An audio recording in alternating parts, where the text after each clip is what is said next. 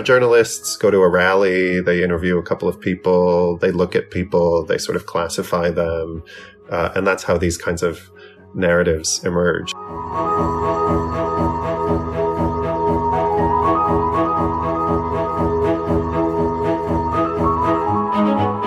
you hear it a lot when you when you see things about like Trump's base or um, you know the typical Trump voter. And Thomas Frank, who who we quote, actually says um, most Trump voters are white working class. Um, so you know the typical Trump voter is a typical Republican voter, white, suburban, relatively affluent.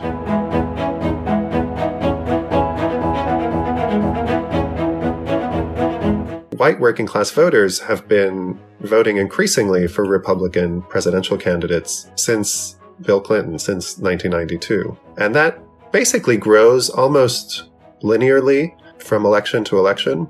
So Mitt Romney got, you know, somewhere between 54 and 57 percent um, of, of white working class voters voted for him. That's not a huge amount less than, you know, what Trump got in, in 2016.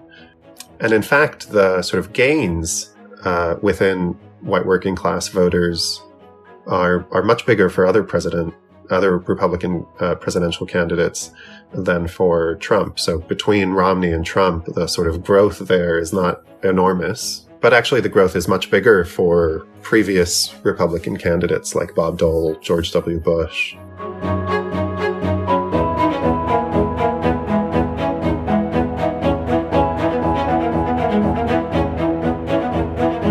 Hi everyone, welcome to the SRV podcast. My name is Armen Hakhverdian. I'm a political scientist at the University of Amsterdam.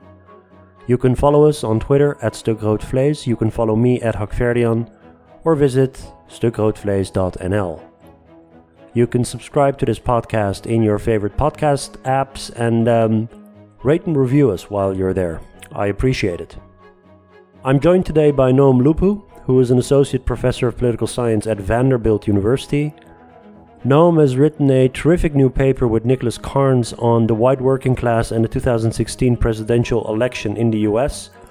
We are going to be talking about four widespread claims made by pundits, commentators, public intellectuals, and academics related to Trump's alleged appeal to white working class voters. Do these claims hold up to empirical scrutiny? So, first, is it true that most Trump voters were white working class Americans? Second, is it true that most white working class voters supported Trump? Third, is it true that unusually large numbers of white working class voters switched from Obama in 2012 to Trump in 2016? And fourth, is it true that white working class voters were pivotal to Trump's victory in several swing states? So, um, a little spoiler alert it turns out that much of this myth building around Trump's unique appeal to white working class Americans is not really rooted in reality. So I'll link to the paper in the show notes in case you want to read it, and you should because it's it's a great read. I'll also link to previous episodes with Tarik Abou-Chadi and Rob Ford on related themes outside of the US context. You can follow Noam on Twitter at Noam Lupu, and I'll also link to his website so you can check out some of his other work. Over to Noam Lupu.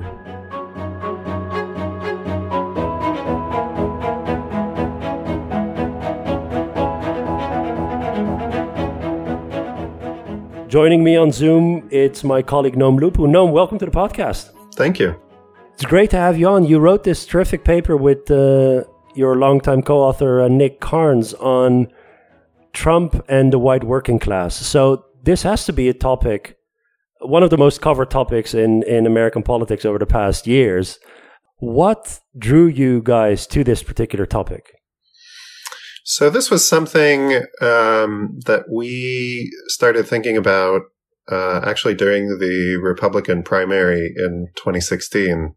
Um, so I, I, should say Nick and I have worked for a long time. So we went to grad school together, uh, and uh, we've been working together on issues of representation and, and working class representation. So the fact that elected officials around the world tend to be much more affluent than the people they represent and why don't more working class people run for office? Does that make a difference? So the uh, sort of effects of class have been something that we both have cared about for a long time.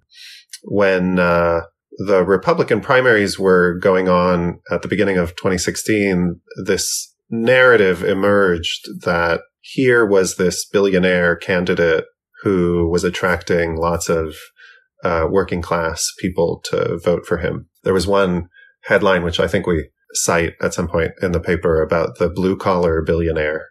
And, uh, you know, having worked uh, on issues related to class for some time, it seemed unlikely to us that, that that's what was going on, in fact.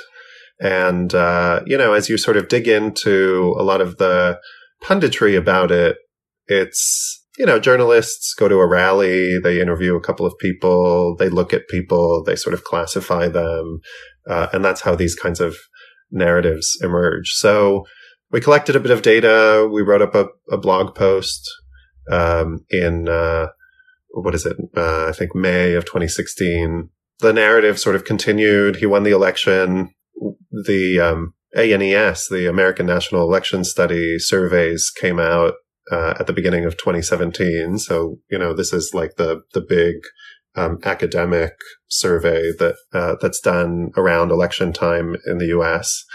And we looked at that, at the, that survey, um, and what the data showed. And again, it, it turned out that there wasn't really a whole lot to this narrative. So we wrote another blog post about that. Right that one got a, a, ton of attention. So that, that came out something like June of, of 2017. We got a lot of, let's say, fan mail. and then, uh, a couple of years later, a couple of years ago now, uh, sort of 2018, this narrative, which was mostly, uh, a kind of, you know, punditry narrative started appearing in academic work on Trump or on the 2016 election. And it was just sort of asserted um, that we all we all know that Trump was elected by working class, white working class people. And so, you know, the the our sort of reaction to that is, you know, we need to do something. I mean, clearly, you know, what we had done hadn't changed the narrative uh, out no. there. Um, but we can't have academics, you know, citing this narrative as a as a fact. We need to sort of try to at least push the social sciences. And it's it's a, a part of a broader development in other countries too. This this narrative of the working class and the appeal that parties on the uh, right, populist right, or the, the the electoral position of social democrats, or the, the uh, crisis that social democracy finds itself in, is all tied to the working class. Um, I should say the white working class because that's yeah. one thing that I wanted to ask you about. It's it's not a trivial decision to just focus on the white working class versus the working class. I mean, you're very precise in in in formulating. You know, it's the appeal of the white working class, not the working class in general. Many people don't even do that. They say it's the working class. Um, why did you choose to make it about the white working class and not just working class in general? Well, I think the narrative is mostly about the white working class, um, and a lot of the explanation for you know their support for Trump had to do with racism and immigration and things like that. So, you know, to include the entire working class, which obviously includes um, a lot of people of color, and, at least in the U.S. case, I, I think would not um, would not sort of fit where the narrative is. I think it's a narrative about the white working class and race. Yeah. And, and, you know, with some debate about is white working class support for Trump mostly about economic anxiety, globalization, trade, or racism and immigration right. and, and because that's like that. what so blue collar billionaire already sort of presumes there's an economic right. um, explanation for why white uh, or for why the white working class tends to vote for Trump, and that, of course, in itself is quite contentious. Yeah, you know, um, uh, uh, Americans, unlike many Europeans, certainly political scientists, Americans and American political science is less precise on what class means, um, and these terms get sort of thrown around in in sort of very a very loose way. You know, part of the problem with that is that then everybody defines it however they want, and and you can sort of generate whatever result you want, but part of the issue also is that there just isn't a sort of general sense of you know what it means to be working class and so for some people i think it's it's equated with being white and often equated with being rural, which is, you know, I mean, a, a, very small proportion of the American population really lives in the country. So it couldn't possibly just be rural people. So there's, you know, there's a lot of, a lot of differences in sort of how people think about class. So, you know, one of the things that we wanted to do with the paper being an academic paper is to also bring a little bit of precision to this, this concept and to this particular question and, and how we measure it. Mm. The, the way you structure the paper, I think, is really interesting. There's these four, let's say, uh, statements, claims actually about the white working class and Trump, and then you sort of, in myth busting fashion, you go through them, present data, and then you make your, uh, you you draw a few conclusions. Uh, before we get to those four claims, I think it's important to explain how you actually define working class because that's also a consequential decision. Uh, you're going to be using survey data, and not all surveys have the perfect question, and uh, not all, you know, the, the, reality of survey research is is one of pragmatism. I think not. Uh, it's not. it's not not something for idealists. Um, so, how did you measure class? So, I think you have a number of options when you um, go to try to measure class. Um, I think the the classic way to do it, and the way that I see most European scholars do it is occupation. Um, I think that's the right way to think about it. I think that's the right way to think about class as a concept, as it has to do with your occupation group and uh, your occupation. You know, forms the way that you think about uh, society and about politics. I think that's quite common in, in European political science and in sociology, in fact, generally. But American political science rarely looks at occupation. And in fact, surveys rarely ask about occupation, which, you know, as someone who fields surveys, I understand, right? So it's a, it's a long question, often open ended. People tell you sort of sometimes give you a paragraph about what their occupation is.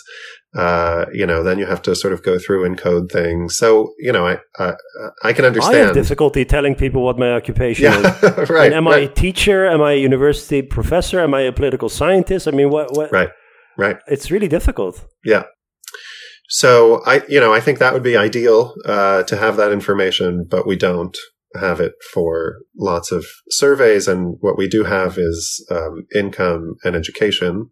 I think one of the issues, again, the issue of imprecision in this particular narrative and, and the discussion about voting in 2016 was that it basically became uh, about measuring education. So people with a college degree are not working class, um, and people without a college degree are working class.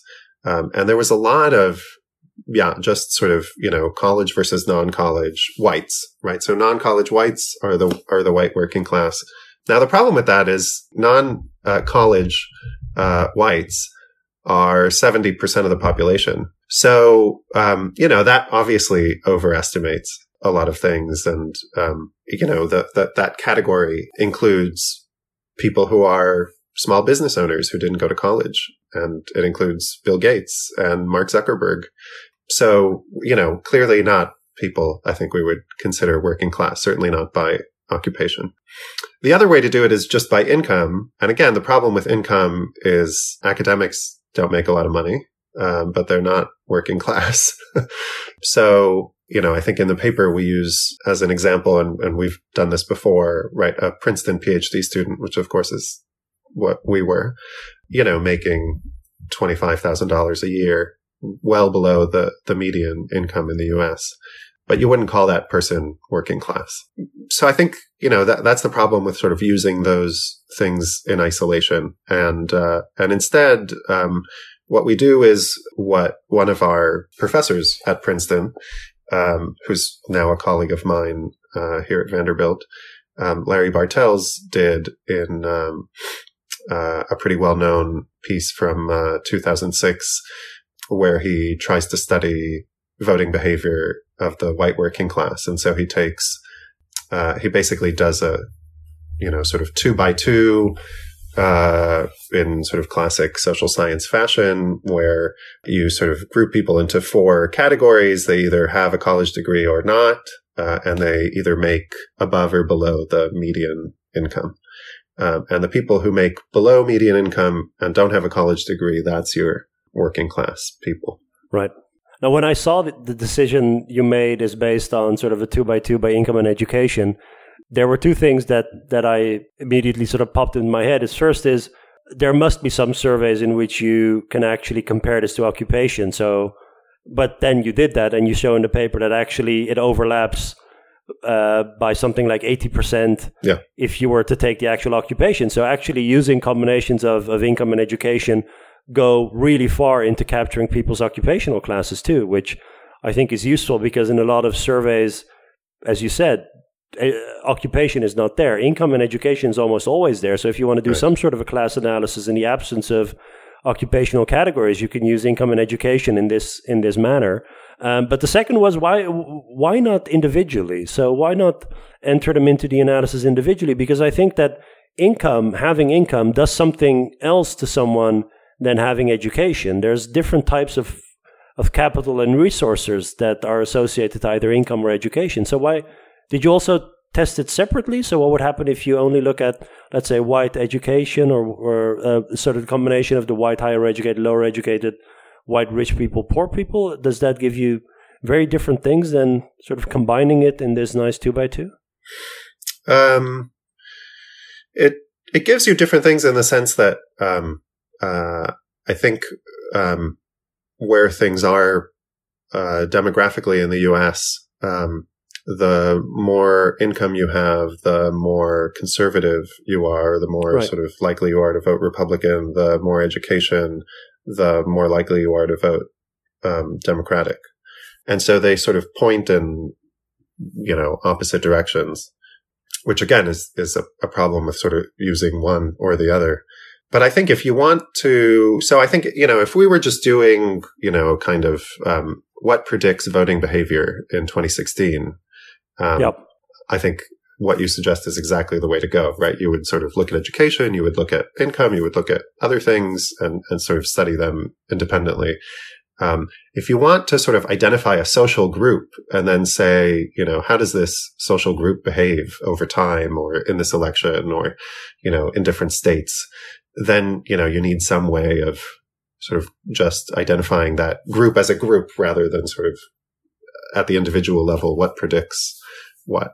That's where we decided to sort of do this, um, focus on this cell, right? One of, one of four cells. And then the paper uh, examines four claims, and I think it's it's useful to go through them. Uh, so I recommend everyone to read the paper. I'll link it to the show notes. It's it's for an academic piece. It is very very very readable. So you know, go ahead. You don't need you don't need to know any jargon, or you know, it's it's it's it's actually fun to read, which you don't actually you. see a lot in in our in our line of work. Um, so the first claim, again, these are four claims that I think anyone who follows the news a little bit uh, will recognize also in their own countries because these yeah i mean in the netherlands you you see a lot of these claims too the first claim is um, most trump voters were from the working class um, where does that claim come from um, so this is the one that uh, I have to say we sort of went back and forth about whether or not to include. It's sort of you don't have to think very deeply about this one um, before you realize that it just can't be true. Um, uh, yeah. uh, you know, we show in a in a figure there that the proportion of the electorate that's white working class has declined over time, but it's it's you know essentially a third of the electorate. So uh, so it, it can't be the case that the majority of Trump supporters are white working class, but you do hear it. I mean, so this one is is mostly, I think, a a, a sort of um, a punditry claim. Um, I don't think there's much sort of academic work that makes this claim, at least not in a, a strong way. But it is sort of um, you hear it a lot when you when you see things about like Trump's base or um, you know the typical Trump voter. And Thomas Frank, who who we quote, actually says um, most Trump voters are white working class. Um, so, you know, the typical Trump voter is a typical Republican voter. White, suburban, relatively affluent. Uh, sort of the, the inclusion of people like Thomas Frank and other other commentators and pundits and sort of public intellectuals, I think is an important what distinguishes this paper from a lot of other papers um, maybe it's a very recent phenomenon that other people do this as well, but usually when you read academic papers, people engage with other fellow academics and and um, other researchers published in peer review research. In a lot of the claims that you dissect, and we'll go over the other ones as well, of course, it's claims that are done by commentators or columnists or pundits or um, was that a conscious choice to include that as well? I mean, it's not just to make it more snappy, I assume. Um, it's you know, it, it, a lot of this this claim making and myth building and conventional wisdom. It's not in academic journals. It's in the public discourse, in newspaper pages and blogs and all that sort of stuff, right?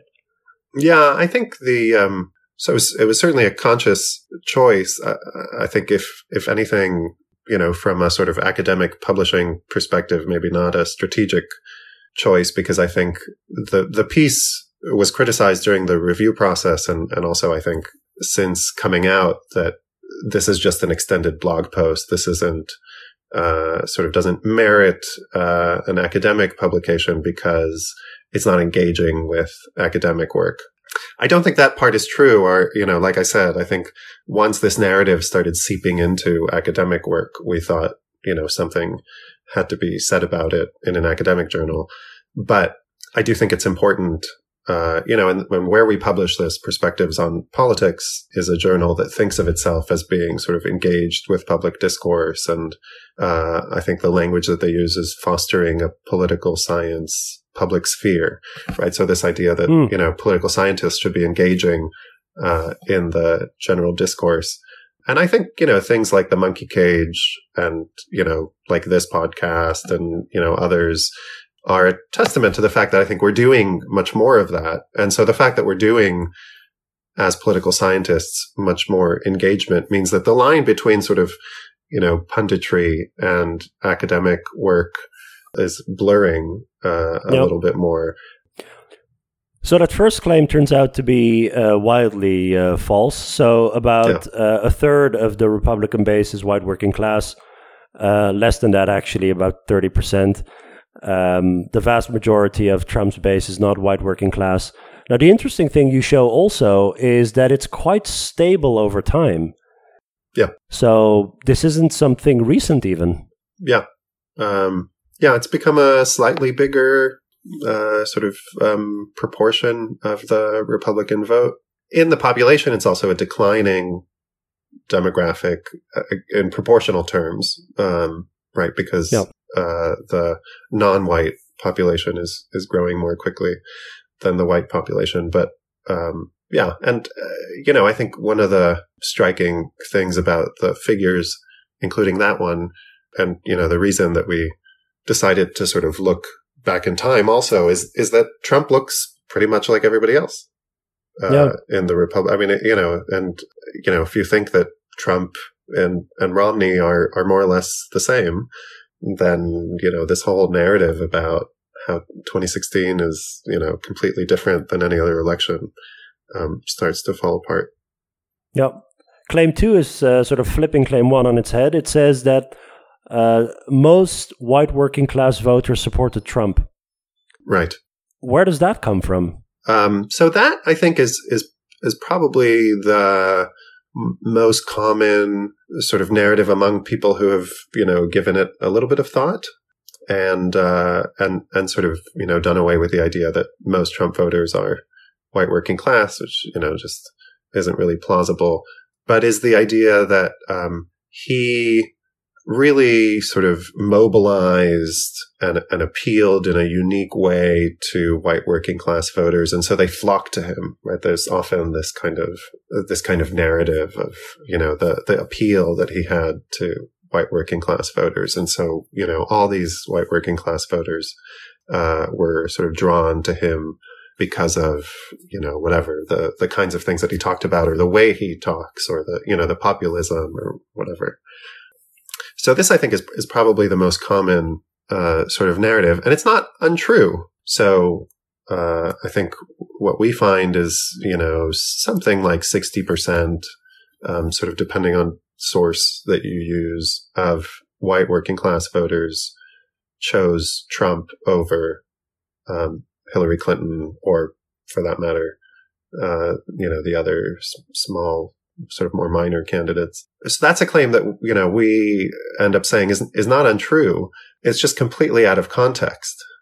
Uh, and and once you look at the context of 2016 and you sort of go back in time, white working class voters have been voting increasingly for Republican presidential candidates since Bill Clinton, since 1992. Um, mm. And that basically grows almost linearly from election to election.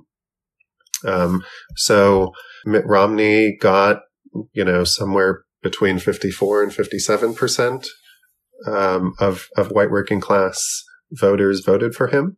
That's not a huge amount less than you know what Trump got in in 2016. And in fact, the sort of gains uh, within white working class voters are are much bigger for other president other Republican uh, presidential candidates than for Trump. So between Romney and Trump, the sort of growth there is not enormous. I don't know. Um, again, sort of depending on the source, about five percentage points. But actually, the growth is much bigger for previous Republican candidates like Bob Dole, George W. Bush. And we don't think of them as being sort of, you know, having uniquely appealed to the right. white working class, or sort of certainly not the case that they've used anything like the same kind of rhetoric or, or even the same sort of policy discussions about uh, immigration and, and, and things like that. In fact, George W. Bush, I think, was quite uh, supportive of um, immigration and you know legal paths to citizenship and all sorts of things like that. So, um, uh, so it you know is is true that m- most white working class voters in the U.S. voted for Donald Trump, but it's also true that most of them voted for Mitt Romney, and that they have been moving in a Republican direction for about 30 years. So, you know, there's a question there about why that is. Um, but the change is long term. The change is not something that's about Donald Trump. And, and I think a lot of the discussion, and, and this is where we get into more of the academic debate as well. Um, you know, there's, there's been work about this question of, is it about economic anxiety? Is it, is it about, um, race? Is it about abortion and guns and social issues, cultural issues, things like that? And the analysis is 2016 survey data. And, you know, I think one of the things that we, where we want to push academics rather than necessarily pundits is to say, you know, this is great. It's great that people are paying attention to class voting, um, especially in the US. Um, it's great that people are paying attention to the white working class, which, you know, doesn't get a lot of um, academic attention. But this is a long term trend. And if you want to study a long term trend, you want to look at data over time. Um, yep. You can't study a long term trend by just focusing on 2016. I reminded him of uh, the previous conversation I recorded with, with Rob Ford, a colleague from mine from Manchester, on uh, the uh, 2019 um, general election in the UK, where you had this famous crumbling of the red wall. And it's one of his main points is that I don't that he says it's not a Boris Johnson one term effect, actually, that a lot of the a lot of that movement is very gradual over the course of a few decades. And then you get to the point where, you know, the, the uh, sort of a tipping point, basically. But the underlying movement is very gradual. It takes decades and decades before we even reach this point. It's not a instantaneous sort of Trump effect or Boris Johnson effect. Right, right, exactly. Uh, it's interesting that uh, of the uh, so uh, the claim that most white, uh, white working class people support Trump, that in uh, seven out of the last ten elections, actually a majority of white working class voters supported the Republicans anyway. Yeah. Claim three is um, more of a dynamic one. It's that working class voters switched from Obama to Trump at high rates. So it's about vote switching and not so much about static vote choice. Yeah, yeah, and this is this is one that um, uh, really surprised me. So this one, you know, this gets a little bit more nuanced, um, Yeah. uh, which is good.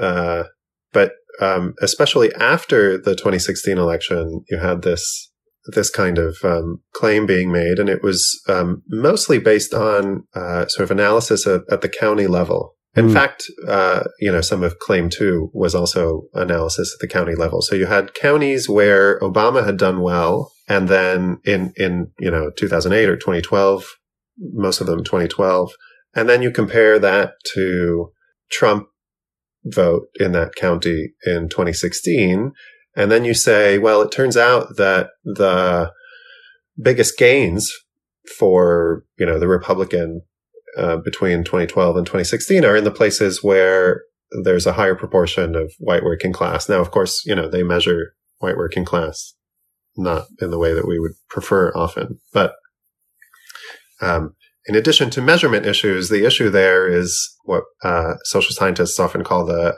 ecological fallacy. Right? Counties don't vote; people vote, and so you can't infer from that information about the county that it's the individuals in that county are actually switching their vote. It could just be that people who voted for Obama in 2012 stayed home and didn't vote in 2016, and people who stayed home in 2012, uh, who are Republicans, turned out to vote in in 2016. Um, Yep. In fact, we know from other work that in many of the, the sort of key swing states, uh, turnout declined among Democrats between 2012 and 2016, and and um, turnout also declined among um, African American voters, which you know is not surprising. We we know that descriptive representation matters, sort of so in in in the sense that you know having an African American candidate brings African American voters out. Um, so you know the fact that Hillary Clinton is white, you know, meant she didn't get she didn't draw as much turnout among African American voters. So, you know, there there are sort of lots of issues with that. And then to the extent that anyone sort of had done analysis, and the, here there was actually a, um, a sociology article that had done some analysis with the American National Election Study. The other issue is, um, you know, how do you know whether people switch their votes, right? So one way to try to figure that out is to ask them if they switch their vote. Now, the, you know, the problem with that is people don't like to sound inconsistent, especially when they're being asked a bunch of questions about politics. And, uh, you know, we generally, we value consistency. Uh, and so, you know, if, if you're going to tell somebody, well, I voted for Obama in 2012, but I voted for Trump in 2016, that's going to sound a little bit inconsistent. You may not even, you know, the um, most people don't think about politics as much as we do. um, No. and, uh, you know, you may not exactly remember how you voted. You may have been sort of on the fence in 2012 and then, you know, sort of uh, went to the polls and then, you know, made a choice. And um, you don't really think about this all the time. And so we know that asking people four years later how they voted is problematic. And in fact, if you look at the data from the 2016 survey about how people voted in 2012, Mitt Romney does a lot better than he actually did. Um, or sorry, uh, uh, Obama does a lot better than he actually did. Right. And we know that there's like this bias toward the winner. People like to say that they voted for the winner. um, so, so Right. if you looked at all of this in, in, you know, after the 2016 election with the 2016 data, it would look like there was a lot of switching from Obama to Trump. I guess the the other thing to say about this is that um, you know what is what is a lot of switching is also kind of a question here. And again, if you only study the 2016 election, you say, well, you know, 13 percent uh, of uh, Obama voters switched to Trump I mean, is that a lot? It was a close election. And so certainly, you know, you could say that mattered, but is that a lot of switching? Is that more switching than we normally see? You know, it's, it's hard to sort of put that into context. And so that was, again, something that we wanted to do was put it into context. So, um, you know, we looked at multiple sources. We also looked at um, panel data, um, which is a survey that actually interviews the same people over time. So there, there was this voter panel survey that was done in um, 2012, and then those people were re-interviewed in late 2016 after the election, right? So we know what. So they, you don't have to deal with memories and stuff, right? It's, so we know we know what they how they said they voted back in 2012, right? We don't have Right. to ask them in in 2016. And once you do that, the proportions get remarkably smaller in uh, switching from Obama to Trump. right, and then the question becomes who did the switching, right? Right, Because then right. not everyone. I mean, there's all sorts of theories you can have about who switched or what, but apparently this myth of um, you know the ones who actually abandoned the Democrats for the Republicans were predominantly white working class. That's the sort of the third claim. Right. I'm assuming you didn't find any evidence for that. No, no, we didn't. Um, uh, um, and There's a uh, pattern in these in these claims. Yeah, and- yeah, yeah. and their- in and their fact, you know, we looked at um, we looked at uh, the last time the American National Election Study um, did a panel survey in between 2000 and 2004. Again, for for context, like how much is normal switching and who does the switching, and uh, you know, the amount of switching is is not substantially higher between 2012 and 2016, and and it's also not um, substantially higher among white working class voters. So again, this idea that you know here's this uh, mass of white working class people who you know sort of are are flocking to Donald Trump because of something about his candidacy doesn't seem to pan out. Now, of course, you know we're we're often uh, starting to look at sort of small percentages, right? It's you know the the white working class among switchers, which is already 10% of the sample. And so you're, you're getting into like small numbers of people. So it's hard to, you know, say anything um, super definitive. But I think, you know, the way to think about this is we shouldn't be making claims for which we don't have evidence. And the evidence just doesn't point in this direction. Then, you know, we shouldn't be making those claims. And then the final claim, which again is a bit more uh, nuanced and contextual than than the others, the white working class voters were critical in the swing states. hmm So it's basically a narrowing of the scope. Yeah. This is one Yeah. that I've heard a lot. Yes. Yeah. And, and, um, you know, this idea of like being critical to the election was sort of another version of the narrative. You know, a lot of them kind of, I mean, it's, it's, you know, it's very vague and, uh, um, you know, here we're trying to sort of distill a narrative into like testable hypotheses. Um, uh, so this idea that the white working class was critical to his election Okay, so you know, how do you think about that? Uh, well, you know, one way to think about that is that it made the difference in the swing states. Okay, maybe you know, maybe um, maybe they're not uh, the majority of Trump supporters. Maybe they're not sort of more likely to switch in the country as a whole, but in the swing states, that's what they did, or th- that's what happened. You know, in those in those particular. Yeah. He Um, wouldn't be president without the white working class in those states. Yeah, yeah, and and so I, I think we we say two things about this. One is that this idea of like, you know, which social group is critical to an election Yeah. is is actually sort of a, a really uh, once you start thinking about it, is actually a really complicated thing to test um, empirically, and um, just about any large social group is critical to anybody's election. Um, let alone an election in which 100,000 people sort of decided the outcome Yeah. so I think we, we point to this, you know, um, to the work on uh, African American turnout, right? So, I mean, African American turnout in the three states that, you know, gave Trump the electoral college, um, Wisconsin, Michigan, and Pennsylvania, had it been the same as it was in 2012, would have given the election to Hillary Clinton. So you could say that that group is critical to the election as well, right? So this this idea that like who's critical um, is is really hard to pin down, um, and, and probably not worth sort of making claims about sort of who's critical to an election. You know, setting that aside, I think the the claim that's sort of worth testing is, you know, did did these patterns look different in the swing states than they did in in other parts of the country? Right? Was there was there more switching among white working class voters in the swing states? Uh, are you know sort of white working class voters in Pennsylvania more Republican than uh, you know more Trump supporting than than those in the rest of the country? Uh, and there we just don't find any of that. Uh, you know, we look at um, we look at the the sort of the three key states that that gave him the electoral college. We also look at sort of the broader set of states that changed from 2012 to 2016.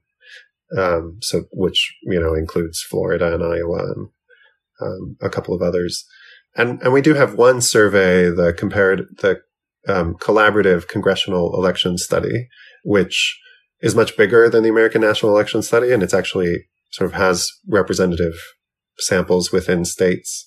Um, so you get a little bit more traction there um, in terms of numbers of, of cases in the survey. Uh, but no matter what, you know, we're just not seeing a big difference between the the key swing states and the rest of the country.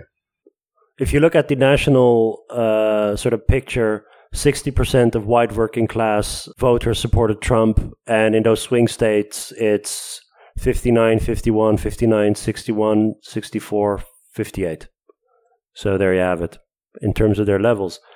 In fact, you know, sort of um, Iowa is kind of this weird outlier uh, mm. that uh, actually he does pretty poorly relative to how he does nationally uh, in Iowa among white working class. So uh, uh, among white working class voters in Iowa, he does sort of remarkably worse um, than in, in the rest of the country. But in, in none of these states does he sort of seem to be doing remarkably better than in than in the rest of the country. Right. And then there's the the the, the if you want to sort of narrow it down even further, it's not the level of white working class support, but the switching of the white working class mm-hmm. support mm-hmm. in the swing states again, you know, we're sort of now talking about a, a pretty small numbers of, of cases, even in the big CCES survey. It looks like rates of switching are a little bit higher in these swing states than in uh, in the national average, which of course is what you'd expect, right? Because they swung and uh, the proportion of voters who changed their vote, yeah, of the switchers, the proportion that's white working class is a little bit higher in these states than it is nationally. Um, but it's also the case that there's more switching from Romney to Clinton in these states, and that the proportion of those switchers that's white working class is higher. So there's there's you know as you'd expect, right? These are swing states. There's just more switching going on in in sort of both directions, and the proportion of voters who's, who are white working class in these states is also higher, and so the proportion of switchers who are white working class is is slightly higher. But none of this seems to me like sort of the smoking gun. Aha, the the white working class is doing all the work here, and and and you know what's happening in the swing states is uh, this is a white working class thing that's that's happening. I don't think there's any evidence for that. Right. So if none of these claims about the white working class are true, then what is going on with the white working class? Why? What is, from a point of view of let's say electoral research, what is interesting about this group? How has it been changing? So, for instance, one of the questions that I had reading this is um, what are the, actually the political preferences of this group, the white working class people? When you look at how they feel um, towards, let's say, income inequality or taxation or um, abortion or immigration or you know um, foreign affairs or whatever, like what is their ideology? Has that changed over time or? Like something, what lies in between this variable of their class and the variable of their voting behavior, what lies in between? And has that shifted over time? Or what is going on with this group? Why is yeah. everyone talking about them? um, uh, yeah, I think, you know, that's the question. Uh, and, you know, I think one of the reasons that we wrote this piece and sort of well, decided to write this piece and do it as an academic article is um, there needs to be more research on this. I mean, uh, uh, you know, the study of American politics is remarkably silent on what seems to be a, a sort of 30 year trend uh, in, you know, a, a, pretty large group of, you know, portion of the electorate uh, sort of changing preferences. And uh, I think a lot of the discussion about American politics and the voter social groups in the US has been about sorting and polarization and things like that and and not so much about you know sort of long-term changes focusing on the one election that sort of brings this to your attention is is not the right way to analyze the question and I, I think we're being myopic when we do that now what is going on um, you know this this um, piece that uh, Larry Bartels wrote in 2006, which is a um, does something similar to what we do. So he it's a, it's kind of a, a, review, but a sort of extended critique of Thomas Frank's book, "What's the Matter with Kansas." So the article is called "What's the Matter with What's the Matter with Kansas."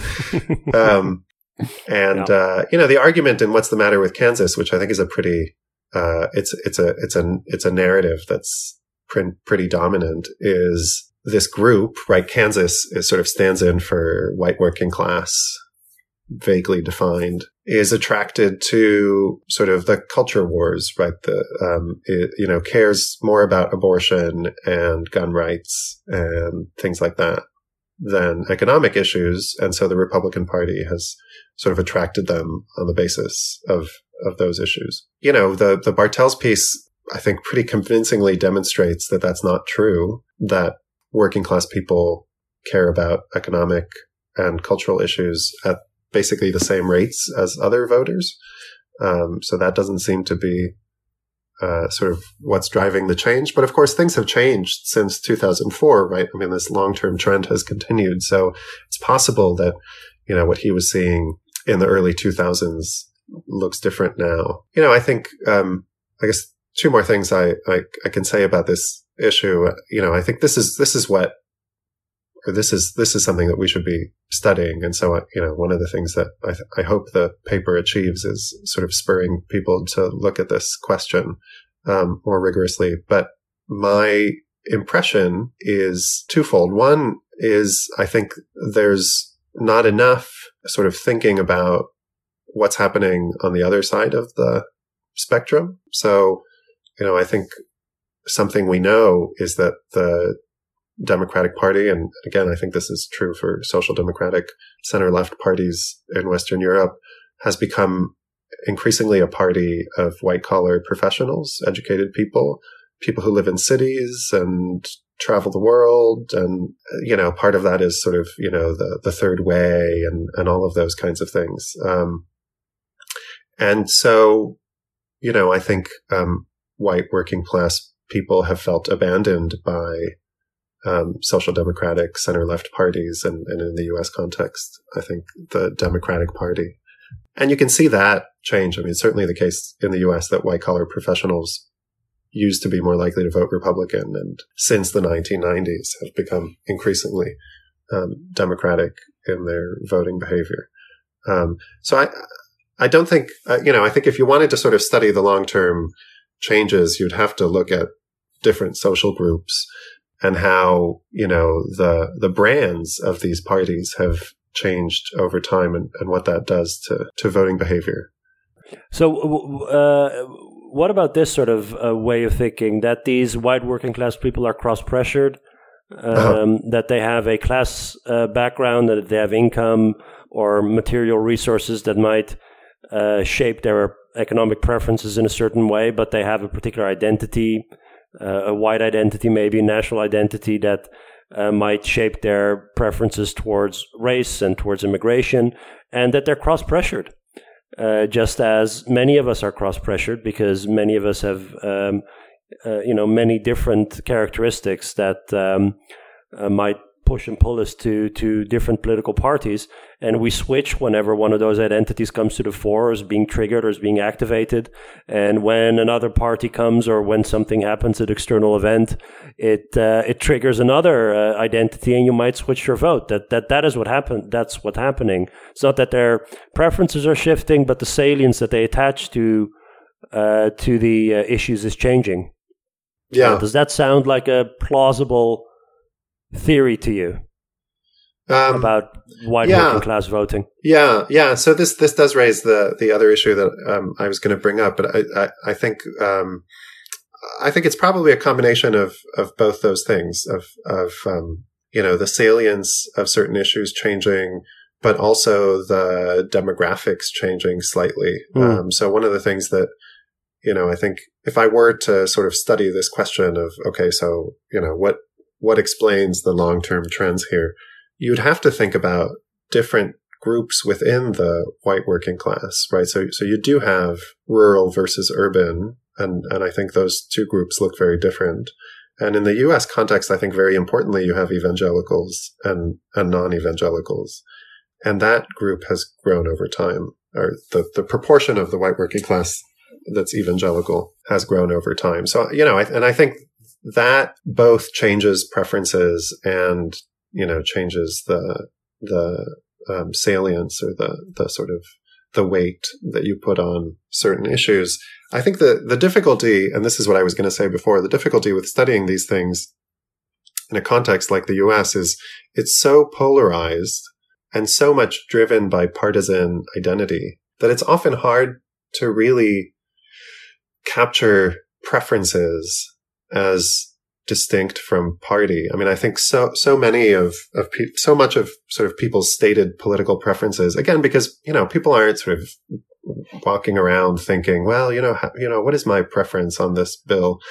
So so much of those preferences are are taken from party cues, from Mhm. sort of leadership cues that it's it's it becomes very hard to to really distinguish those things. And so, you know, studying this, I, I think, is is complicated, especially sort of studying change over time. But you know, but at the same time, it's hugely important. And I think you know all the all the sort of interesting things are hard to study, um, right? Otherwise, you know, uh, uh, yeah. Other otherwise, they'd already be done. Yeah. Noam, thanks so much for your time. Of course, yeah, it was fun. Thank you. If uh, people want to follow you, um, your work, I'll, I'll link to your website. Uh, they can follow you on Twitter too, right? Yes, yep, At Noam Lupu, I think. yes, exactly. hmm Yeah, there there aren't very many Noam Lupus out there. Excellent. All right. Thanks everyone for listening. I'll uh, I'll see you next time.